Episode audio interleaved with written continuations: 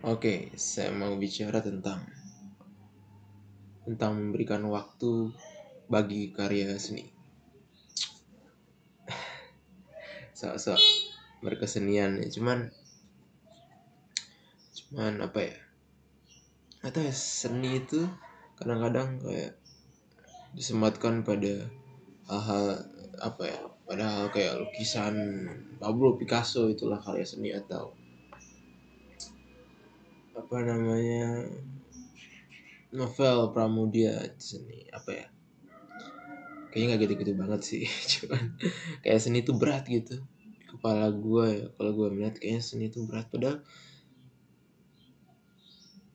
gue rasa makan dari seni itu lebih apa ya bilangnya hmm, seni itu melingkupi semua hal gue rasa.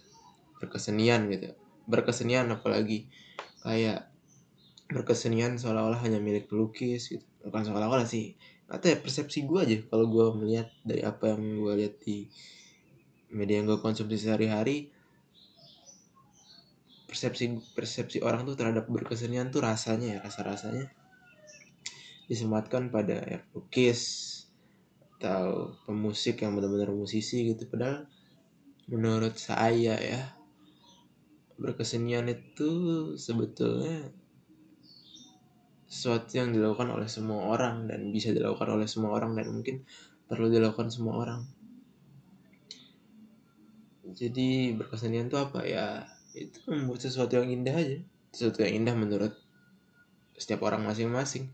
Kalau merasa apa namanya? merasa misalkan ada emosi apa ya senang gitu terus lo ingin mengekspresikannya membuatnya menjadi suatu tulisan gitu. Satu tweet mungkin. Terus merasa anjing ini indah ya. Menurut gue itu berkesenian aja. Gitu sih. Tapi tidak perlu bahas berkesenian. Berkesenian gue mau bahas itu tadi ya. Uh, meng gue mana memberikan waktu bagi karya seni. Maksudnya adalah uh, mungkin dari sini ya meskipun semua orang bisa berkesenian tentu dalam setiap karya itu ada tingkatan-tingkatannya. Gue merasa seperti itu bahwa ada karya yang memang keren ada karya yang ini karya seni tapi ya nggak nggak antara gue nggak nyampe atau ya tidak begitu membekas bagi uh, bagi gue gitu. Dan gue suka mengkategorisasikannya seperti ini. Ada karya yang shallow ada karya yang deep gitu. Karya yang shallow tuh maksudnya apa? Kita mulai dari sini ya. Jadi memberikan waktu bagi karya seni tapi gue mulai dari penjelasan soal deep dan shallow. Eh, shallow itu adalah karya-karya seni yang apa ya? Yang kalau dengar tuh langsung enak gitu langsung enak aja. Tapi ketika lo dengar kedua ketiga keempat kali itu langsung bosan nah itu shallow tuh. Kayak anjing udah gak ada apa-apa lagi yang bisa gue dapet nih dari sini. Gitu. Kayak makan coklat. Kayak makan coklat lah coklat. Gue gak tau tapi kalau di gue ya coklat coklat harga seribuan tuh. Itu kalau makan pertama kali wah enak. Tapi makan kedua kali langsung enak. Nah itu tuh yang gue lihat yang gue anggap shallow itu sesuatu yang udah pertama kali langsung enak enak banget. Tapi ketika lo dengar untuk kedua kali tiga kali udah kayak bosen kan tidak ada apa-apa yang bisa didapat dari situ gitu. Nah karya yang deep itu adalah karya yang deep itu yang ketika pertama kali didengar mungkin bisa jadi langsung enak. Tapi bisa jadi juga tidak langsung enak gitu. Tidak langsung kayak tidak tidak tidak langsung kayak dapat pleasure-nya gitu. Tapi ketika semakin lo ini contohnya lagu ya bisa juga di semua hal sih. Baca novel lo baca baca puisi lo baca nonton film gitu gitu ketika lo dengar untuk kedua kali ketika lo baca untuk kedua kali kok karya ini ada sesuatu yang baru ya? Yang sebelumnya kok gue nggak perhatiin tapi gue dapet gitu. Atau ketika lo um, apa namanya? Ba misalkan novel baca ketiga keempat kali kok jadi makin ini ya jadi makin keren ya novelnya. Gitu atau ketika lo dapat pengetahuan baru pandangan lo jadi berubah terhadap novel itu gitu terhadap karya seni itu. Itu yang gue nama itu yang gue lihat sebagai karya seni yang deep yang ada banyak layernya gitu ada banyak sisi di mana lo bisa melihat dia. Kayak kalau lu cuma makan jajan seribuan jajan coklat seribuan ini perumpamannya kalau cuma makan jajan coklat seribuan mah rasanya ya manis aja gitu satu dimensional. Tapi ketika lo makan coba lo makan mie ayam yang enak gitu. Multidimensional lo ada bisa makan ada sayurnya sedikit pahit ada kuahnya ada gurih-gurihnya. Dan di dalam kuah itu pun ada macam-macam. Ada gurih asin sedikit manis mungkin. Terus di baksonya juga ada tekstur yang beda jadi kaya gitu. Ada banyak cara untuk menikmati menikmatinya gitu. Itulah karya yang deep menurut saya. Menurut saya. Ini terminologi yang gue bikin dan nyuri-nyuri sedikit sih dari dari banyak orang sih. Cal Newport Derek Trucks tuh kalau cari itu orang-orang itu gue sering denger wawancaranya mereka suka menggunakan terminologi itu deep, shallow, gitu gitu. Um, itu jadi itu. Terus itu ya kadang-kadang karya yang deep itu Nah ini masuk ke poin gue memberikan waktu bagi karya seni karena kadang-kadang karya yang deep itu ada yang karya yang deep nih yang jadi yang ketika gue denger berulang kali kedua ketiga keempat kali nggak bosan-bosan dan selalu ada hal baru tuh. Ada karya yang seperti itu yang dari pendengaran pertamanya pun gue udah tahu anjing ini udah enak banget. Ada karya yang seperti itu. Misalkan karya seperti itu apa ya? Kind of dulunya Miles Davis tuh. Gue udah pertama kali langsung ini enak sih terus um, puisinya Pak Sapardi mungkin ada beberapa puisi yang ketika gue baca tuh langsung nyes gitu. Dan ketika gue baca ulang efeknya masih sama. Efeknya masih sama dan masih ada yang bisa digali gitu. Itu um,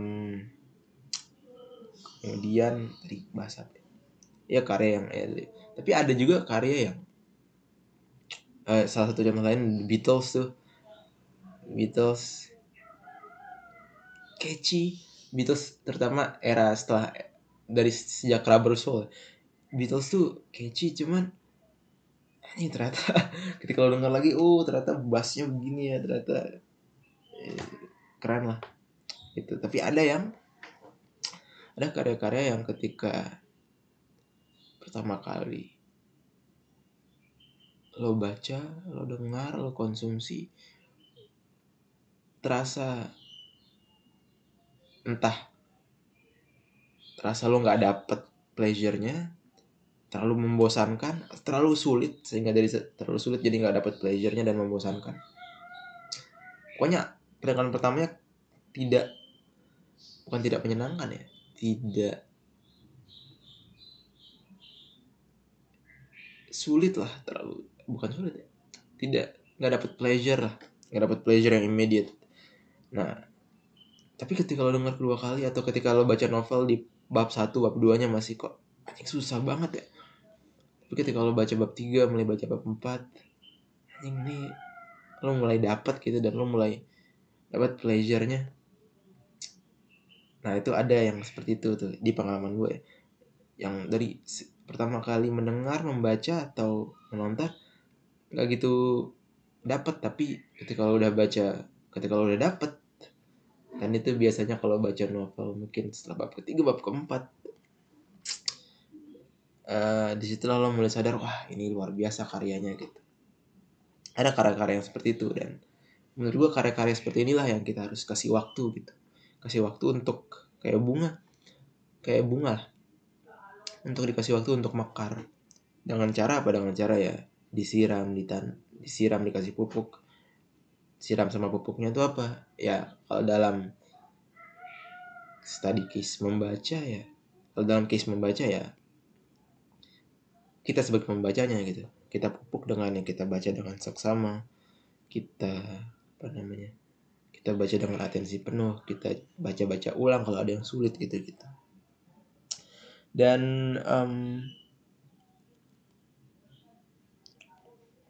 pengalaman-pengalaman ini tuh banyak yang paling profound mungkin ya.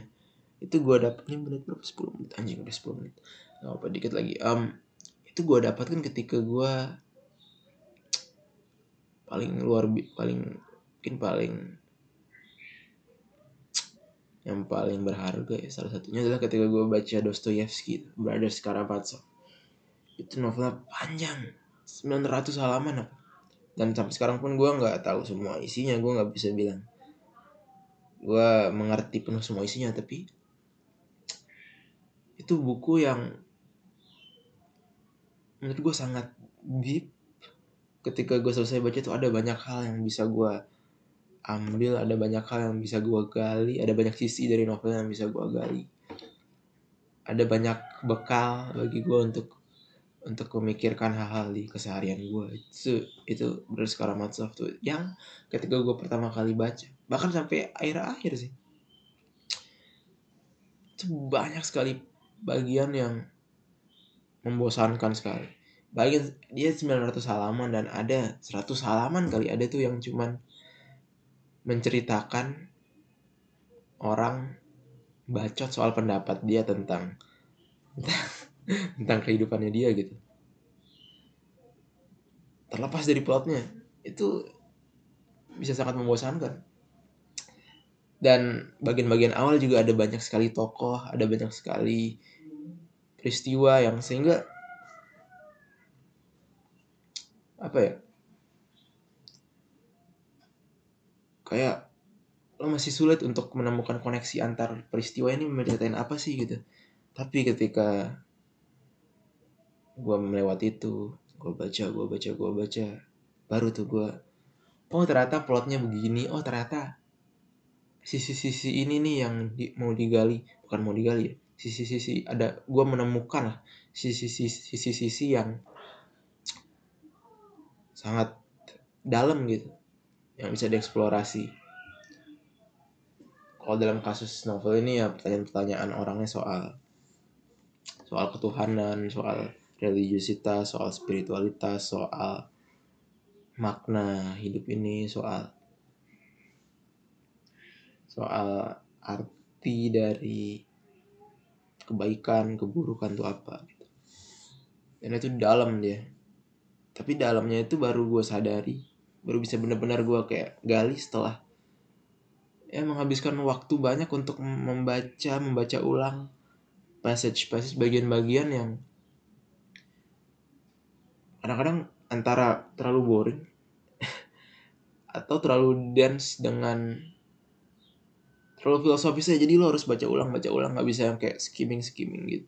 Bisa skimming sih tapi kayak ketika lo udah nyampe di halaman kedua dari baca cepat lo itu lo akan sadar anjing ini ngomong apa ya? Karena lo udah karena lo nggak benar-benar tahu konteks halaman sebelumnya kalau lo baca cepat gitu.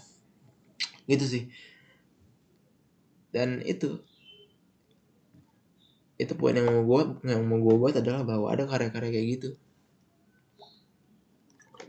Yang memang sulit yang memang butuh waktu tapi ketika lo kasih dia waktu ketika lo kasih diri lo waktu juga untuk baca untuk benar-benar pahamin rewardnya tuh luar biasa. Yang lo dapetin tuh luar biasa. Kenikmatan membacanya tuh luar biasa. Kenikmatan yang bukan kenikmatan yang pleasure tuh bukan kata yang tepat mungkin untuk untuk mendeskripsikan pengalaman membaca Dostoyevsky itu ya apa ya? Bukan cuman enak sih tapi kayak profoundnya profound apa ya profound. Yang membuat lo melihat dunia di sekitar lo dengan cara yang berbeda mungkin itu tuh. Itu bukan lagi kalau makan coklat ya, ya udah enak aja gitu. Tapi ada sesuatu yang setelah lo konsumsi dunia sekitar lo berubah gitu. Ya seperti lo misalkan. Gue memberikan contoh tapi nanti masuk pasal takutnya ini ya, zat-zat ini jangan jangan lah intinya itu ada karena ada sesuatu yang lo konsumsi ah biasa aja nih tapi maksudnya enak tapi ya udah. Tapi ada sesuatu yang ketika lo konsumsi dunia sekitar lo berubah kan ada yang seperti itu dan itulah yang membaca Dostoyevsky itu itu. Dan itu tidak akan bisa gue dapatkan kalau gue pertama kali ketemu anjing nih bacanya sulit nih. Terus gue lepas. Itu nggak akan gue dapatkan kalau gue langsung menyerah gitu. Itu gue harus melalui kesulitan-kesulitan itu. Dan jadi itu sih ada karya-karya yang seperti itu dan gimana cara lo tahu kalau karya itu emang sulit aja? Emang ini pengarangnya nggak bisa nulis? Dan mana yang ini emang ada sesuatu yang profound nih. Yang pengarangnya tuh atau pemusiknya atau apanya. Memang benar-benar ada sesuatu yang bisa digali. Bukan cuma sulit doang tapi ada sesuatu yang berharga di dalamnya. Bagaimana cara membedakannya? Gua pun tidak tahu juga sebetulnya gue tidak tahu. Banyak sebetulnya buku-buku yang gue baca sulit banget. Tapi setelah gue baca cuma gue bengong doang tuh tuh banyak sih. Banyak juga. Bahkan lebih, ba lebih banyak jauh lebih banyak buku yang seperti itu sebetulnya sih. Buku dan uh, musik ya. Gue pernah coba-coba dengar album. Jazz jazz apa ya istilahnya? Avant-garde jazz gitu gitulah yang ketika gue dengar gue berharap mendapatkan yang pengen sok-sokan seni nyeni gitu kan cuman ketika gue denger kok nggak dapet dapet ya? Sampai sekarang juga nggak dapet dapet gitu. Mungkin ada karya-karya yang kayak gitu. Mungkin dan bukan mungkin ya. Ya mungkin ada karya-karya yang kayak gitu. Tapi um, ada pengalaman yang profound dengan beberapa buku dan beberapa karya musik yang bikin gue merasa kayak worth, worth it nih. Um, setimpal nih kalau gue mau mencoba ekspor sesuatu. Dan lama-lama gue kayak punya insting juga sih kayak ada sesuatu yang emang membosankan aja tapi ada sesuatu yang membosankan karena dia sulit gitu sehingga ini ada sesuatu yang berharga. Gue mulai gue punya insting dan dari mana dapat instingnya? Nggak tahu sih mungkin karena sering-sering baca ya. Atau sering-sering dengar. Hmm, lama-lama gue ada insting aja. Tapi aduh 17 menit apakah lanjut atau enggak ya? Gak apa lanjut lagi lah. Um, tapi apa ya poin yang mau gue buat yang mau gue buat adalah bahwa karya itu tidak hanya bagus karena karya itu sendiri karya karya itu bagus juga butuh pembaca yang bagus juga. Kalau gue dua tahun yang lalu baca Dostoyevsky dengan kemampuan bahasa Inggris gue yang pas-pasan dengan apa namanya kemampuan mencerna bahasa mencerna gagasan gue yang masih terbatas. Kalau gue baca Dostoyevsky dua tahun yang lalu gue akan bengong aja gak akan dapat apa-apa gue baru bisa mencerna dan mengapresiasi ketika gue berubah kan. Jadi in a way gue juga menulis novel itu gitu. Karena dengan gue berubah gue jadi bisa menikmatinya secara lebih utuh. Sama lah kayak lo baca belajar programming atau lo belajar bahasa Inggris gitu. Kalau belum bisa bahasa Inggris orang ngomong bahasa Inggris tuh kayak anjing ini ngomong apa? Tapi ketika lo bisa bahasa Inggris lo mulai oh ngerti gitu kayak nyelesain puzzle aja. Mulai oh mulai dapet. Barang yang lebih utuh sama kayak programming lo. Kalau belajar Python atau apa bahasa pemrograman satu line satu baris bahasa pemrograman aja udah merasa kayak anjing ini apaan ini di dalam satu line itu? Tapi ketika lo udah kalau lo udah sebulan practicing segala macem lo jadi akan punya pemahaman kayak menjadi make sense apa-apa yang ada di dalam pemrograman itu dengan bahasa-bahasa yang bahasa-bahasa alien itu gitu. Sama kayak karya seni gue rasa. Sehingga karya seni itu bukan cuman dibuat menurut gue karya seni itu bukan cuman dibuat oleh orang yang pertama kali mengkaryakannya tapi juga dibuat oleh pembacanya gitu. Gue pernah baca istilah gue pernah dengar istilah kayak a great book needs a great reader gitu. Jadi buku yang baik membutuhkan pembaca yang baik pula gitu. Ya karena ada certain beauty dari sesuatu yang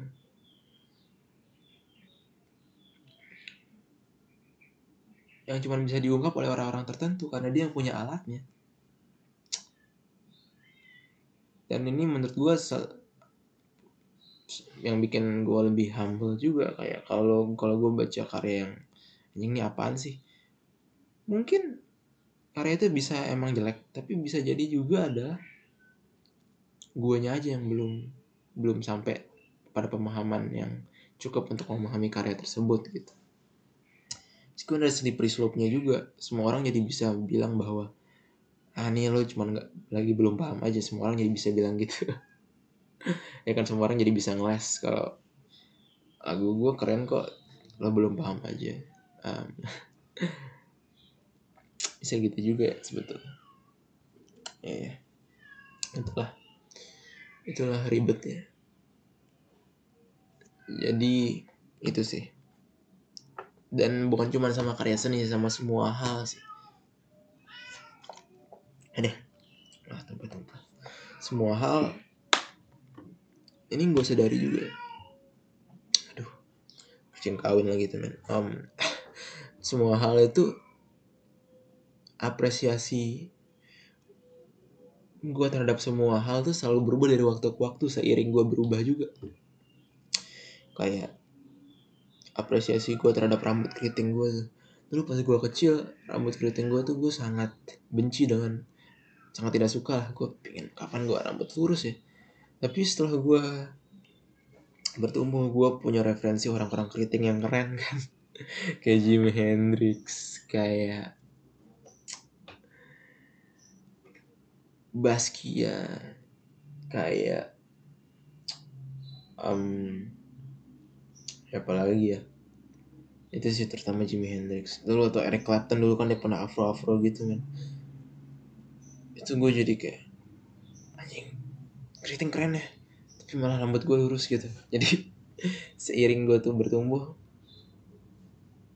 berubah tuh pemahaman gue atau kalau yang lebih ini kayak pemahaman gue soal apa namanya soal uang juga berubah dulu. Dulu gue merasa pernah ada satu titik di mana gue pingin sekali kaya. Sekarang gue merasa sekarang tidak begitu. Masih pingin sih tapi tidak begitu karena gue mulai mulai goyah lah pemahaman gue tentang keyakinan gue bahwa kayak mulai goyah keyakinan gue tentang seberapa berharga uang gitu. Banyak sih hal yang kayak gitu yang berubah karena gue juga berubah gitu. Jadi itu sih um, indahnya dunia ini adalah itu sih gue rasa. Bahwa semakin kita berubah secara lebih baik hal-hal di sekitar gue juga hal-hal di sekitar kita juga berubah secara lebih baik juga. Bukan karena mereka berubah. Gimana ya? Seiring kita berubah secara lebih baik, hal di sekitar kita juga berubah juga menjadi lebih baik, tapi bukan karena mereka berubah sebetulnya, tapi karena cara kita melihatnya mereka itu yang berubah gitu. Dan itu indah sekali sih. Itu indahnya dunia. Jadi karya seni itu ternyata ya mereveal sesuatu yang umum juga dari hal sehari-hari. Gitu sih. Gitu. Oke. okay.